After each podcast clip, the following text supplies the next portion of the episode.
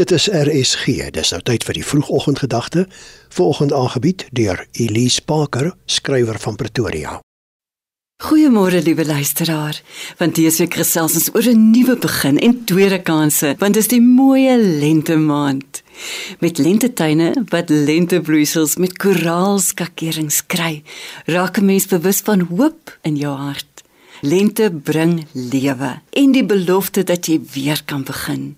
Jy begin selfs uit jou eie kokon kruip en raak bewus van 'n nuwe lewenshouding.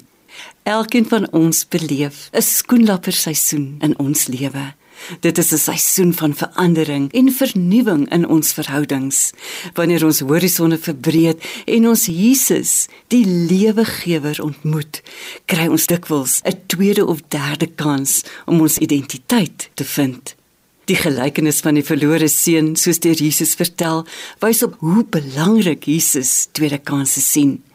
Volgens Jesus se verhaal het die jongste sy pa se fortuine deur losbandigheid uitgeleef en toe teruggekeer na sy ouer huis waar hy tot sy ouer broer se ontsteltenis en bitterheid met oop arms en meer verwelkom is.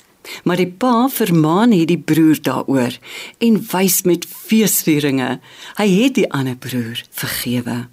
Soms ons sê ons, soos die ouer broer, iemand die kans om weer aanvaar te word.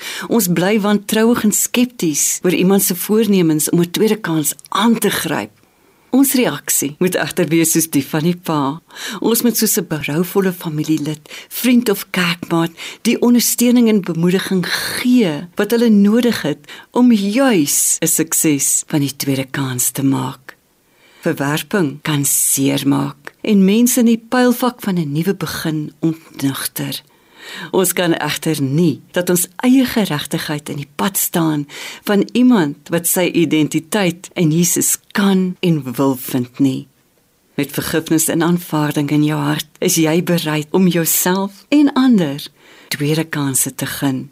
En so doen jy die Vader se wil in jou lewe. Ons dien immers 'n God van tweede, derde, vierde en meer kansse. Dit was dan die oggendgedagte hier op RSG, aangebied deur Elise Parker, skrywer van Pretoria.